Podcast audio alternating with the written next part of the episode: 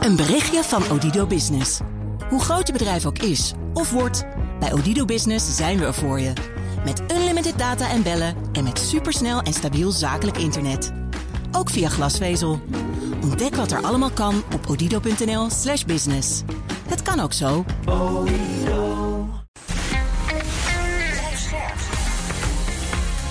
BNR Nieuwsradio.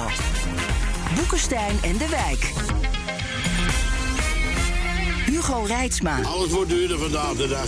Daarom hebben we elke dag de lekkerste groenten en fruit, maar dan wel voor snackprijzen. Dankzij de laagste prijsgarantie krijgt u nu 25% korting. 99 cent per kilo. Ongelooflijk. Als je zeker wil weten dat je niet te veel betaalt, haalt u dus het allergoedkoopste al uw boodschappen. Meer dan duizend producten in prijs verlaagd. Maar dan goedkoper. Zelfs in rijke landen is het een onderwerp. De voedselprijzen. Arme landen kunnen in grote problemen komen als gevolg van de oorlog in Oekraïne. En wereldwijd is landbouw weer steeds meer een instrument van geopolitiek. Daarover praten we bij Boekenstein en de Wijk op zoek naar de nieuwe wereldorde. Met nu extra voordelig Arend-Jan Boekenstein en Rob de Wijk. Onze gast is Petra Berghout, landbouweconoom van Wageningen Economic Research. Welkom. Goedemorgen. En zeg Petra, hoe kan het nou dat één land, al is het een groot land, zo'n invloed heeft op de wereldmarkt voor voedsel? Nou, Oekraïne is een, eh, een belangrijke exporteur op zich. Ze wordt ook de graanschuur genoemd, wat niet helemaal correct is, omdat uiteindelijk het aandeel van de Oekraïne in bijvoorbeeld de productie van tarwe is maar 3%. Maar ze brengen wel heel veel graan op de wereldmarkt. Ze exporteren heel veel naar een beperkt aantal landen. Dus een beperkt aantal landen is behoorlijk afhankelijk van de invoer vanuit Oekraïne. En dat is dus wat je nu ziet gebeuren, dat die landen dus in de problemen komen. Ja.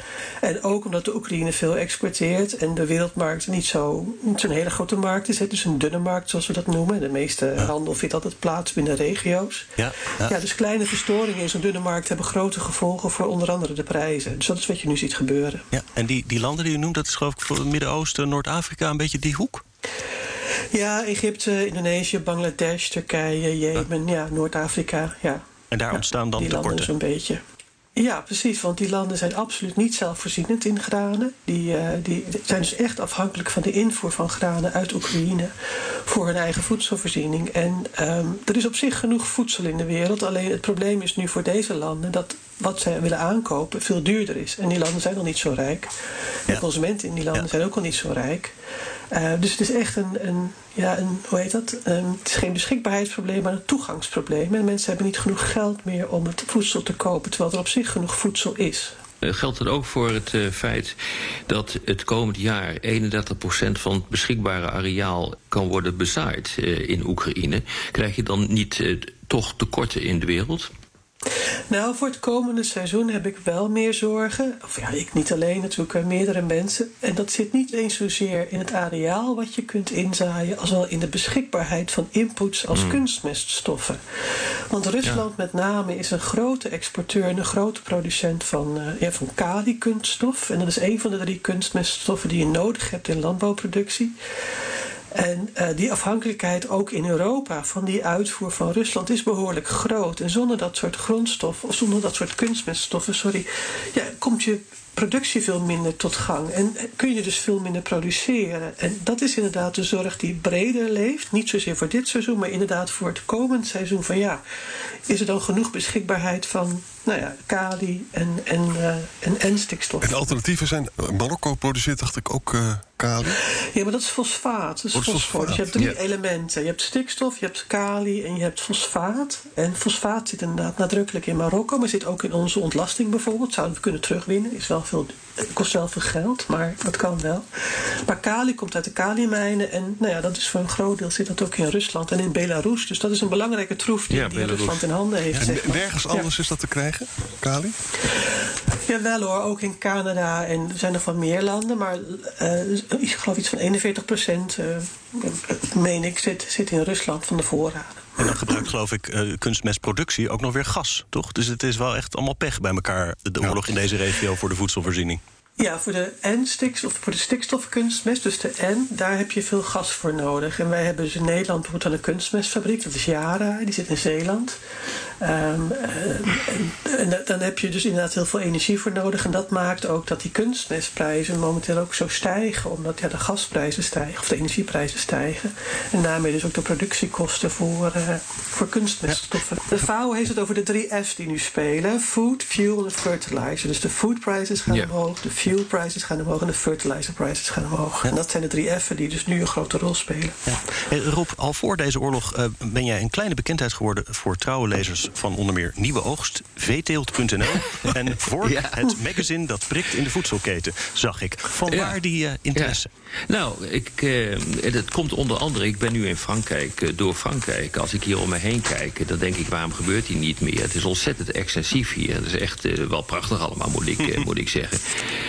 maar tegelijkertijd realiseerde ik me ook uh, dat Europa eigenlijk niet zo gek veel heeft in de aanbieding. He, dus uh, je kunt grondstoffen kun je niet gebruiken als politiek uh, middel. Wat die hebben we niet meer. energie, daar willen we vanaf. Hè, olie en gas, dus dat hebben we ook niet meer. Uh, we hebben eigenlijk weinig. We hebben eigenlijk alleen nog maar landbouwproducten. En uh, dus het idee is ontstaan om eens te kijken of je die ook geopolitiek kunt aanwenden. En voor dat idee, ik, ik denk dat ik wel tien jaar geleden ben ik daarmee gekomen. daar begint steeds meer ja, er begint steeds meer een, een idee over te ontstaan dat dat misschien wel eens een keer zou kunnen werken. Een paar weken geleden hebben we in Parijs een, uh, een grote discussie daarover gehad uh, bij, uh, in, de, in de residentie van de ambassadeur van, van Nederland in samenwerking met, met de Fransen en met, met de economische zaken onder andere in, in Nederland. Om eens te kijken of we dat inderdaad zouden kunnen doen en wat dat gaat betekenen voor uh, voor Europa, voor Frankrijk, maar ook voor Nederland. En Nederland speelt hier natuurlijk een hele belangrijke rol in, omdat we zo ongelooflijk goed zijn in landbouw. Even voor de, voor de luisteraar in Saltbommel. Ja. Uh, China mm. heeft bijvoorbeeld uh, 20% van de wereldbevolking leeft in China. Hun landbouwareaal is maar 9%. China moet dus heel veel voedsel kopen. Ja, en als je, en als je dus een structureel probleem. Ja, als je dus geopolitiek strategisch wil inzetten... zou je dus kunnen zeggen van... nou China, jullie kunnen bij ons landbouwproducten kopen... maar we willen graag rare earth ervoor terug. Ja, zoiets bedoel je, denk ik. Ja, dat zou, uh, zoiets zou in theorie uh, zou je dat kunnen vragen. Ik denk niet dat het hier helemaal, helemaal werkt. Want uh, Europeanen zullen nog veel meer zeggen van... we willen wel exporteren, maar dan zou je een beetje gedraging Xinjiang. dus, maar dat is niet wat ik voor ogen heb. Hey, ze gebruikt Poetin landbouw ook strategisch? Ja, zeker, dat gaat nu ook gebeuren. Heeft hij ook verschillende, manieren, uh, verschillende malen heeft hij dat uh, gezegd door uh, te wijzen op de enorme exporten van, van graan, van mais, dat soort zaken. En dat hij dat dus ook, dat hij dat dus ook strategisch kan aanwenden. En door onze zeker. eerdere sancties maar, is Rusland autarkisch geworden. Nou, nee, Rusland is niet autarkisch. Kijk, Rusland is voor deel ook nee. weer. Het is, het is, een belangrijke exporteur van granen. Daar ben ik zonder meer eens met wat erop zegt.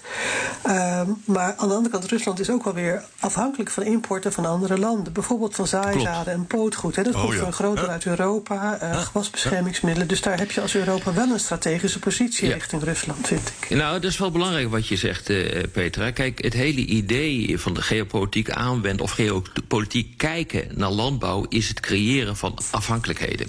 Dus uh, afhankelijkheden van Rusland of China ten opzichte van ons en omgekeerd. dat is feitelijk wat je moet doen, want dan heb je tenminste ook een basis voor een gesprek. En zijn wij in Europa ook weer afhankelijk van Rusland voor eh, granen of andere landbouwproducten? Nee, nee absoluut nou ja, niet. Peter heeft net gezegd uh, dat het gaat over, die, uh, over kunstmesten bijvoorbeeld.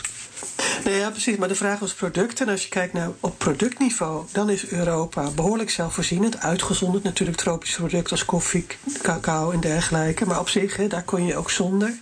Maar als je kijkt naar een Europese voedselstrategie en waar die dus op zou moeten focussen, dan heb je het dus inderdaad over energie en over kunstmeststoffen. Dat zijn de zwakke plekken zeg maar, in de Europese voedselvoorziening. Nou ja, het interessante is natuurlijk dat, dat Rusland eh, als gevolg van de sancties van 2014 en de annexatie van de Krim eigenlijk een stap naar voren heeft eh, gedaan. En heeft gezegd: oké, okay, eh, wij eh, gaan niet meer importeren bepaalde producten, landbouwproducten vanuit Europa. En we gaan het nu zelf doen. Ja. kaas wordt er nu gemaakt. maar eigenlijk na 2014, met Petra, corrigeer me als ik ongelijk heb uh, is met name die productie van tarwe is, heeft een enorme vlucht genomen. Ja, er zitten nog wel allerlei haken en ogen aan. Uh, maar dat is ook een heel duidelijk geopolitieke reden geweest om daar keihard op in te zetten. Het heeft te maken met die sancties die toen zijn opgericht. Ja, nee, dat klopt wel. En, en op zich die sancties, je ziet natuurlijk ook dat daar dan weer creatieve manieren worden gevonden om daarmee om te gaan, zeg maar. Dus ja, dat het verleggen van handelstromen ook plaatsvindt. Dus ja. ja. Peter, mag die ik je sancties zijn minder hard dan je, dan je zou willen misschien. Mag ik je een vraag stellen, Ja. Petra? Eh, we praten dus over de, de impact is heel erg in het Midden-Oosten, eh, Noord-Afrika en delen van Azië. Maar ik, ik las ook een reportage van eh, in, in Zuid-Afrika en in Zimbabwe.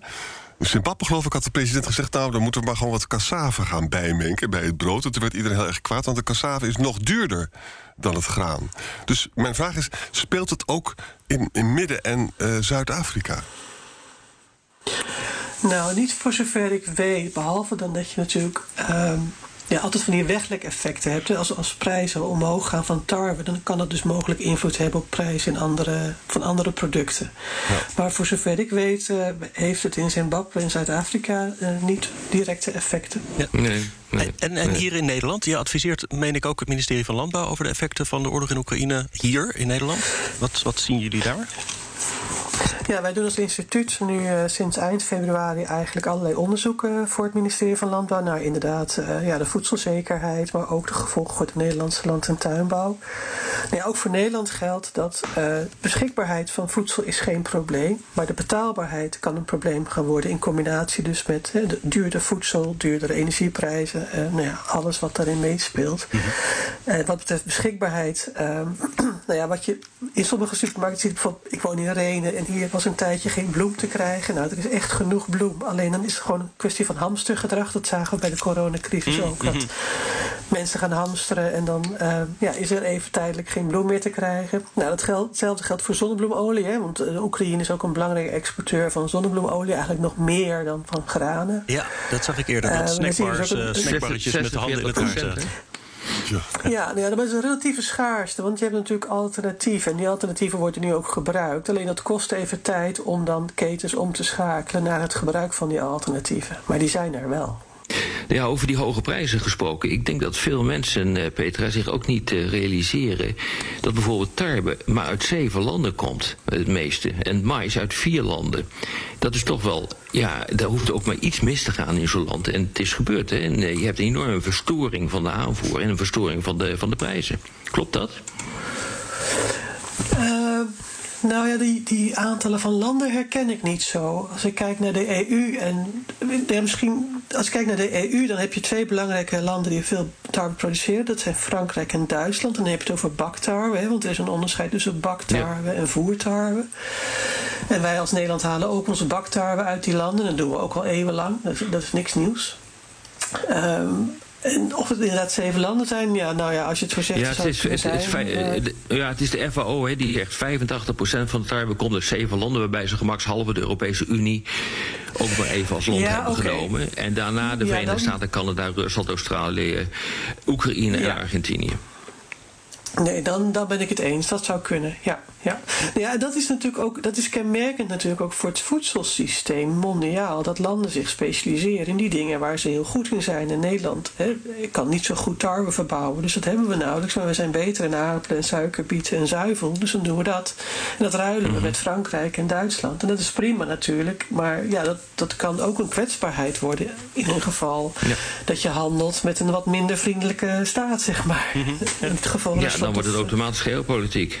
Klopt. ja, dan wordt het geopolitiek. Ja. En als we op wat langere termijn kijken, er, er komt natuurlijk steeds wat tussen. Dan is het weer corona, dan is het weer oorlog. Maar veel experts zeggen toch op lange termijn is klimaatverandering eh, de grotere uitdaging. Hoe gaat dat zo'n kwetsbaar voedselsysteem eh, beïnvloeden?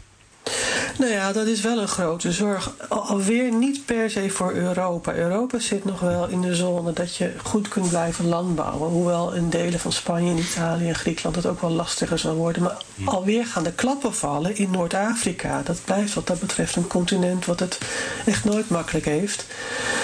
Ehm, en bij klimaatverandering, je kunt als landbouw daar wel op anticiperen. Je kunt met veredeling, met, met rassen aanpassen en dergelijke. Dus je kunt, je kunt wel een eindje komen. Maar het is wel een zorg eh, ja, die ik deel. Je kunt granen zo veredelen dat ze minder water nodig hebben. Ja, en uh, of dat ze beter tegen droogte kunnen. Dus wat dat betreft heel veel mogelijk. En uh, wat, wat ik dan jammer vind als we het hebben over de Europese Unie, is dat dat soort technieken in de Europese Unie vooralsnog nauwelijks zijn toegestaan of niet zijn toegestaan. Zaken als CRISPR-Cas, waarbij je ook bijvoorbeeld uh, het gebruik van bestrijdingsmiddelen wat verder terug zou kunnen dringen. Ja, dat mag allemaal nog niet binnen de EU. Want de Hoe EU komt dat? Heeft, ja, ja, in de EU bestaat een soort romantisch beeld, vind ik, over de landbouw, hoe dat zou moeten zijn. Ook zeker met de huidige landbouwcommissaris, dus een Pol. En dat moet allemaal kleinschalig. En, en, ja, hij heeft daar bepaalde ideeën over. En die worden voor een deel natuurlijk gedragen ook wel door, door een deel van de landen in de Europese Unie. Want van oudsher is er binnen de Unie natuurlijk ook heel veel uh, verschillen in de inzicht over hoe het met landbouw moet gaan.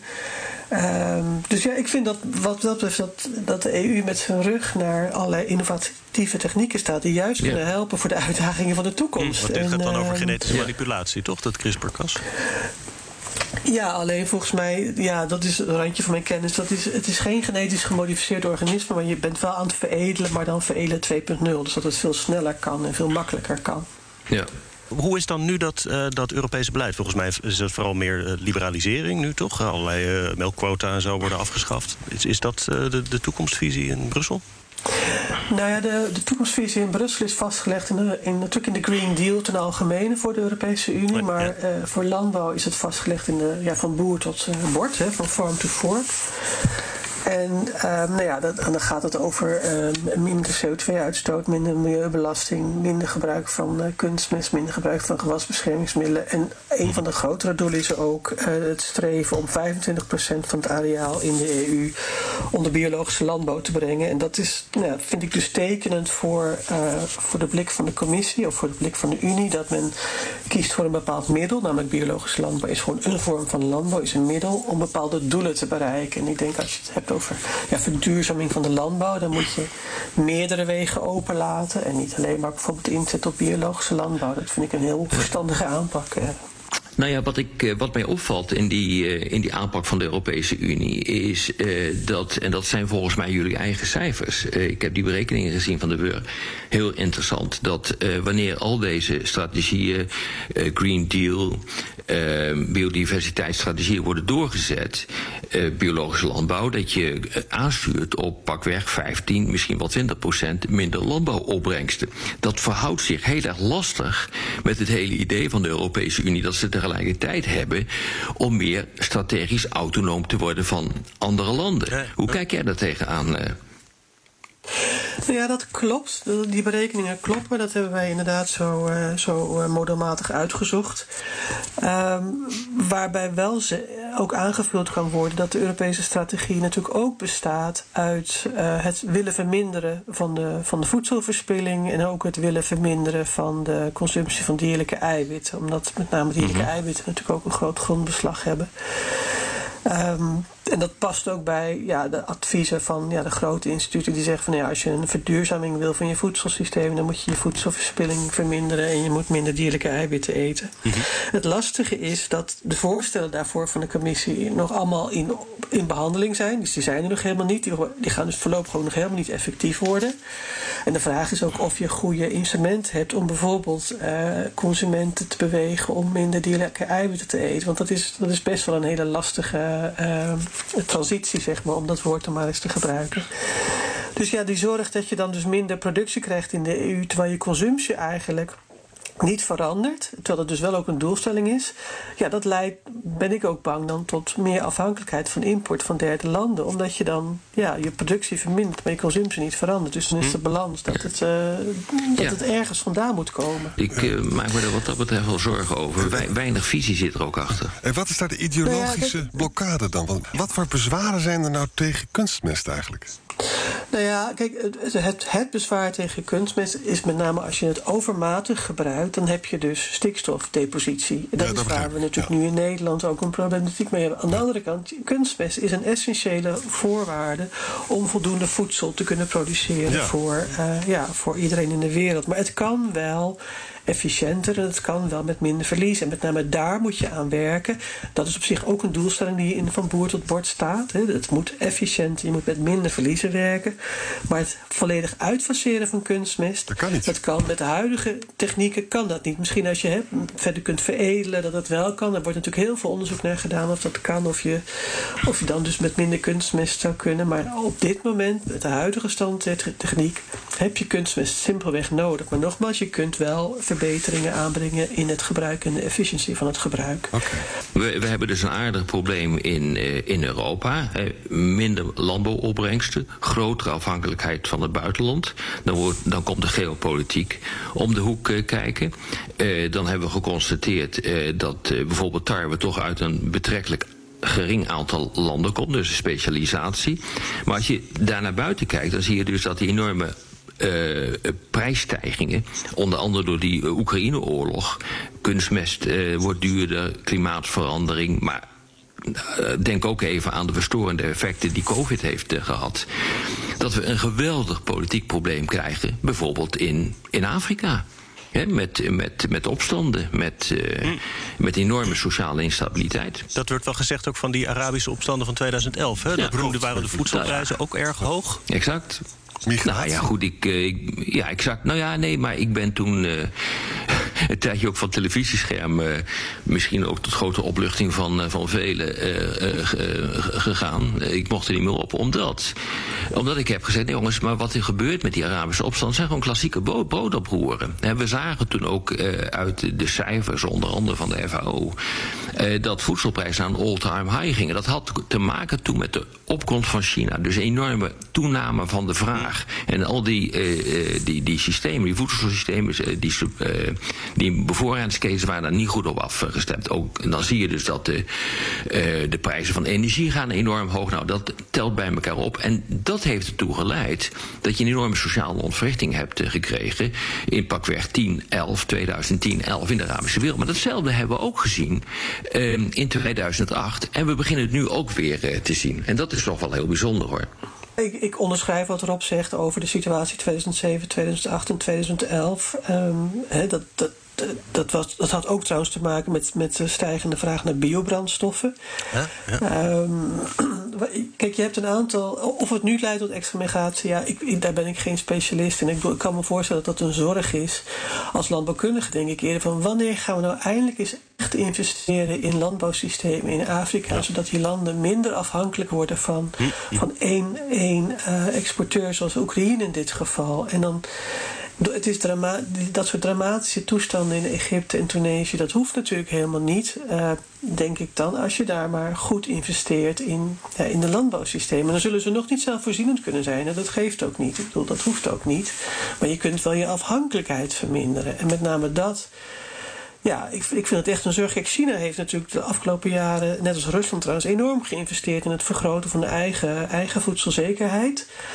Um, en op de ene manier in Afrika uh, ja, komt dat blijkbaar niet van de grond. En ja, wat daar dan precies achter zit. Soms denk ik ook wel, er zit ook een beetje ideologie achter. Want je merkt ook wel dat, dat er bepaalde beelden zijn over hoe landbouw zich in Afrika zou moeten ontwikkelen. Dat is bijvoorbeeld ook kleinschalig en regeneratief. En dan denk je van ja jongens, je moet daar ook gewoon vooruit innoveren. En zorgen dat mensen zichzelf eh, beter kunnen voeden. Maar ja. ja. Technologisch kan het. Hè? Van, als je in Israël bent, dan zie je die drip irrigation. Nou, dat zou in Egypte ook kunnen, stel ik me dan zo voor. Jullie, jullie in Wageningen kunnen de meest fantastische veredeling doen... waardoor de, het graan beter tegen de droogte zou kunnen. Het kan allemaal echt. Ja, en, nogmaals, dan, dat is een beetje het randje van mijn kennis hoor. Dan ga ik een beetje speculeren. Maar wat, kijk, wat ik zelf denk dat meespeelt, is toch ook instabiele situaties in die landen. Dus je moet ook maar willen investeren in dat soort landen. Oh. Um, maar toch ook wel negatieve gevolgen van het Europese beleid. Dus dat, dat ja, resten, restanten van uh, Europese producten worden daar gedumpt. Dat is één kant van het verhaal. De andere kant van het verhaal is ook dat het soms het beleid is van overheden daar om heel goedkoop voedsel te importeren of te subsidiëren ten behoeve van de stedelijke bevolking. Dus er zitten heel veel facetten aan. Ja. Corruptie speelt natuurlijk een rol, religieuze conflicten. Dus het zijn ook lastige landen om, denk ik, iets te bereiken. Aan de andere kant denk ik, ja, het, het, het moet wel. Het moet wel gebeuren. Het kan ook niet, niet zo blijven bestaan. Ja. Op de radio ronden we af, maar in de podcast gaan we langer door met luisteraarsvragen. Luistert u op de radio, dan verwijs ik naar boekensteinendewijk.nl of uw favoriete podcast-app. En we hebben een vraag van Handige Harry. Mm, die wil weten: hebben de voedseltekorten impact op China? En kan dat invloed hebben op hun houding ten aanzien van de situatie in Oekraïne? Ja, nee, volgens mij niet. Uh, ze hebben een groot probleem uh, gehad met uh, varkensvlees. Dat hebben ze nog steeds in verband met wat is het met de Afrikaanse varkenspest. Uh, maar dat is, eigenlijk, uh, dat is eigenlijk alles. En je ziet dus ook dat de exporten vanuit de Europese Unie op dat gebied enorm uh, hebben zijn toegenomen in de richting van China. Maar op dit ogenblik niet. Hoewel ik wel heb gezien dat ze zich nu wel hebben zorgen aan het maken zijn over win wintertarwe. en die, die oogst schijnt niet heel goed gelukt te zijn in China. Peter? Ja, ik deel dat wel. Ik bedoel, China, China heeft natuurlijk ook wel de nodige koopkracht om op de wereldmarkt te kunnen kopen. En nou, dat is nog niet voorbij gekomen. Maar op zich er zijn ook nog best wel veel voorraden van allerlei granen. En een deel van die voorraden ligt ook gewoon in China. Dus als de oogst daar tegenvalt, dan kunnen zij hun voorraden nog wel aanspreken, lijkt me. Ja, ik kan me wel voorstellen dat de, de grootste handelspartner van de Oekraïne is China. Dus ik kan me wel voorstellen dat ze ook veel graan van de Oekraïne kochten. Maar ze hebben inderdaad de koopkracht om dat ook elders te halen. En ze hebben die voorraden. Ja, nou ja, en, en wat Rob terecht opmerkt, er zijn ook in Oekraïne nog heel veel voorraden. En uh, er wordt natuurlijk nu ook wel heel erg hard gewerkt aan, aan het uit Oekraïne krijgen van die voorraden. Voor zover ze niet ja. nodig zijn voor de eigen bevolking natuurlijk. Want ja, als we het hebben over voedselzekerheid, dan is de situatie in de Oekraïne natuurlijk eigenlijk uh, nou, minstens zo erg. Ja. Er wordt nu geloof ik met treinen geprobeerd het, het, daar het land uit te krijgen. Ja, omdat de havens zijn geblokkeerd, toch? Trucks ook zelfs. Ja. Ik had nog een hele specifieke Oekraïne-vraag van Nick Buurma. Die zegt: Als ik de kaarten ongeveer vergelijk, lijkt het alsof door Rusland veroverde gebieden in Oekraïne de gebieden zijn waar je die fameuze zwarte aarde hebt. Klopt het dat de beste landbouwgebieden in Oekraïne nu door Rusland zijn bezet? Ik dacht dat je in het westen ook landbouwareaal had. Maar ik, Peter, weet je dat? Nou, ik, nee, ik, dat zou kunnen, dat, dat weet ik niet precies. In mijn beleving is het, gewoon het merendeel van de Oekraïne een uitstekend landbouwgebied. Hmm. Centraal dat, ook, ja. ja. ja. En dat is natuurlijk ook iets om in, in gedachten te houden: dat uh, niet de hele productie in de Oekraïne valt nu weg. Het is nu voor deel ook echt logistieke problemen. Dus geen, de, de, de havens zijn onbereikbaar of niet bruikbaar. Um, maar voor een deel kan de productie natuurlijk nog wel doorgaan. Want het is echt een enorm land. En een deel is nu bezet door Rusland. Maar een, een deel ook, daar zou je in principe uh, landbouwproductie kunnen hebben. Maar dat zit nee. dan meer in het, ja, in logistieke ja. problemen bijvoorbeeld. Ja, 31% kan maar ingezaaid worden hoor, dit jaar. Dus dat is echt een hm. groot probleem. Ja, kunstmest en zaaigoed. Ja. ja. Wishmaster vraagt: uh, De wereldwijde waterhuishouding uh, blijkt onder enorme druk te staan door klimaatverandering. De Oekraïnse graanschuur geeft de afhankelijkheid weer in de geopolitieke stromingen. Hoe gaat water een rol spelen in komende crisis? Ja, dat doet het al toch? Als je kijkt naar ja. uh, het Midden-Oosten en zo, hm. waar water natuurlijk heel veel waard is. Dus ik denk dat het al een rol speelt en dat er nu al allerlei waterverdelingsvraagstukken zijn. Met name Turkije. Ja, ook in Nederland recente. Hm? Turkije. Turkije voert een water. We hebben al die dammen in het oosten. En daarmee ja. raken ze Syrië en ze raken uh, Irak ja. en zelfs Iran. Dus enorme spanningen geeft dat. Geeft dat. Ja, ja. Ja, nee, dus dat, is dat, het, dat speelt dus al. Dat is geen, uh, helaas geen mm -hmm. nieuw probleem. Ja.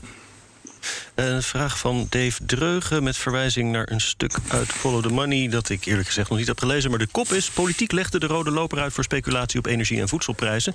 En hij uh, vraagt, wat vinden jullie van die grondstofspeculanten?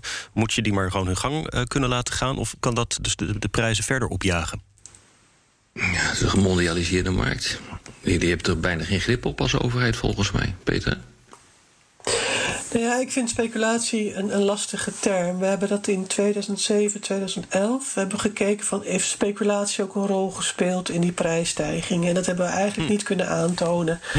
En de vraag is dus nu ook of het, of het speculatie is of dat er gewoon gehandeld wordt op termijnmarkten wat een normale handel is, zeg maar. Ik vind het heel erg lastig om te zeggen van er is wel of geen speculatie. Vooralsnog gaan we ervan uit dat het niet zo is, omdat we het gewoon nog niet hebben kunnen aantonen. Maar ja, als Follow the Money misschien iets uh, heeft. Ik heb het ook niet gelezen, het artikel, dus ik kan het verder ook niet beoordelen. Gaan we dat doen? Het was volgens mij een stuk van vandaag. Oké. Casper van der Langeberg wil weten waarom zet men de enorme EU-subsidies voor traditionele landbouw en veeteelt eh, niet volledig of grotendeels in voor innovatieve vormen als kweekvlees en vleesvervangers, waarmee we Nederland op de kaart zetten en onze leefomgeving verbeteren. Hmm. Dat is een interessante vraag. Ja, dan moet je Eh. je vragen aan eh, mijn buren hier in Frankrijk. Eh, de, eh, eh, Frankrijk is natuurlijk gewoon echt een, een- land dat leeft, bij wijze van spreken, van, van de subsidies. Ze kankeren continu. in, mijn, in de omgeving waarin ik zit. Dat het allemaal niet goed is. Dat is ook nog de schuld van de Europese Unie. Maar tegelijkertijd ja, zijn ze ook verslaafd aan de subsidies. En dat merk je dus ook aan Parijs. Die, die continu gewoon inzet op een groot deel van die landbouwsubsidies... die gewoon overeind eh, moeten blijven, anders stort die de hele boel in. En als je om je heen kijkt, dan zie je ook wel waarom. Petra, kan het in, in Nederland i- innovatiever? Nou, ik, in, in Nederland, we- er zijn behoorlijk wat projecten rondom kweekvlees. ehm, en ook ehm, andere projecten voor alternatieve vormen van eiwit. Dus daar wordt behoorlijk wat, eh, wat, wat onderzoek naar gedaan. Tot nu toe is het gewoon heel erg lastig om dat op hele grote schaal te krijgen. Dat heeft met kosten te maken, maar ook met uitgangsmaterialen en dergelijke. Ehm, en ja, wat Rob eh, zegt, dat, daar sluit ik me ook wel bij aan. Ik bedoel, die, je, als je, je kunt alle subsidies natuurlijk wel inzetten voor dat, innovatieve, voor dat soort innovatieve oplossingen. Maar je hebt dan wel ook een sociale problematiek. Op bijvoorbeeld het platteland in Nederland minder. Maar denk aan ja, Polen of Hongarije of Frankrijk inderdaad. Waar nu al problemen zijn met het leegloop van het platteland. Dus ja, die subsidies, dat is, dat is een economisch verhaal, maar is ook een sociaal verhaal. Dus eh, Ja, dat is ook, zeker. ja, politiek ligt dat wel lastig, denk ik. eh. Maar goed, het is, ik, ik ben het wel eens met de vraag dat het is goed met het oog op toekomstige eh, verduurzaming van je voedselsystemen, om dat, naar dat soort alternatieven te kijken en ook te kijken van ja. Zijn ze energetisch bijvoorbeeld ook interessant? Want kweekvlees, bedoel, als dat heel veel energie vraagt, dan ja, is het dan interessanter dan het houden van vee. Dus dat, dat moet je dan wel gaan vergelijken. Ehm, Dick Jans met een vraag over een punt dat wel vluchtig aan de orde kwam. Maar hij zegt: stel eh, het gebruik van Europese graan voor bioethanol en autobrandstof dat dat wordt gestopt. Wat is dan het effect op de wereldmarkt graanprijzen en de voedselvoorziening in Afrika in het Midden-Oosten? Oh, en eh, in vergelijking tot het effect van teruglopende productie door Oekraïne. Zou je, zou je dat daarmee kunnen opvangen? Oeh, dat weet ik niet. Ik doe alleen maar Ja, eh, de de eenvoudige vraag, hoor. Nou ja, maar op zich het punt van eh, dat je dus inderdaad eh, in dit soort situaties, als je dat nood zou willen lenen, het niet in bioethanol of, of diesel stopt, maar het inderdaad in Afrika afzet, ja, dat vind ik een terechte. Bedoel, want bedoel, ooit zijn de biobrandstoffen natuurlijk ook in het leven geroepen, juist om de overschotten aan granen weg te werken. Dus als je een tekort hebt, dan kun je daar ook weer mee stoppen. Ja. Nou, bij deze dik, dat is dan het, het eenvoudige antwoord op je vraag. Eh, dan nemen we Ja. nog eventjes eh, de voice mee. Die zegt... Mevrouw Kaag noemde de wens om de eigen bevolking te kunnen voeden... vorig jaar nog autarkie van voor de VOC. Wat is er nodig om de Nederlandse landbouw zelfvoorzienend te maken? En kan dat überhaupt? Eh, zou je het willen? Ik denk dat dat een belangrijke vraag is. Stel je voor dat het kan. Zou je dat dan willen, Petra? Nou, ehm, ik vind niet dat je het moet willen. Ik vind dat je dit soort vraagstukken echt op Europees niveau moet bekijken. Want we zijn niet voor niks lid van de Europese Unie. Ehm, maar goed, de grap is, we hebben in 2013 als instituut wel gekeken of het kan. En we kunnen als Nederland zelfvoorzienend zijn. Ook wel weer met de voorwaarde dat er dus beschikbaarheid is van energie en van die kunstmeststoffen. Ehm, dus het kan, je kunt Nederland voeden, maar dan heb je dus echt over een enorm ander dieet. En je hebt geen koffie meer, geen cacao, en je hebt geen olijven meer. Oei. En je hebt heel ander brood, want dat baktarme komt nu dus ook al uit Frankrijk en Duitsland. Dus ik, ik denk niet dat je het wilt, maar als, je, als het, het, het kan. Maar je moet het niet willen, je moet dit Jawel, echt maar- op Europees niveau bekijken. Als je dan een misoogst hebt, dan is het toch gepiept in Nederland? Ja, ja, precies. Ik bedoel, daarom, dat is ook altijd wat we zeggen als economen. Hou die handelslijnen open. hè. Want wat je nu Ja. dus ook ziet, is dat sommige landen dus de grens dichtgooien. En daarmee dus de prijseffecten vergroten. En terwijl juist handel in dit soort situaties, hè, misoogst ergens eh, in land X, dan kan dus door een overvloedige oogst in land Y, die, die, die tekorten in land X worden aangezuiverd. Of tenminste worden aangevuld. Handel speelt daar een hele belangrijke rol in. En Ja. wat je dus absoluut niet Het- moet doen, is nu die veel vermindert ook de risico's volgens mij. Het vermindert ook de risico's volgens mij. 1848, grote opstand in Europa, revolutiejaar. Een van de redenen waarom dat gebeurd was, is een muizenplaag. Waardoor gewoon het voedsel op de velden werd opgegeten. Ja, ja. Ik dacht dat je ging refereren aan de Phytophthora-plaag in, Noord of in Ierland, dus de aardappeloogst. Oh, ja, exact. Ja. Nee, die kan je ook nog bijpakken, ja. Ja. Zo hangen dus voedsel en veiligheid opnieuw nauw samen. Dit was weer Boekenstein en de Wijk. Namens Arend-Jan Boekenstein en Rob de Wijk zeg ik dank voor het luisteren. Speciale dank aan Petra Berkhout. En tot de volgende keer.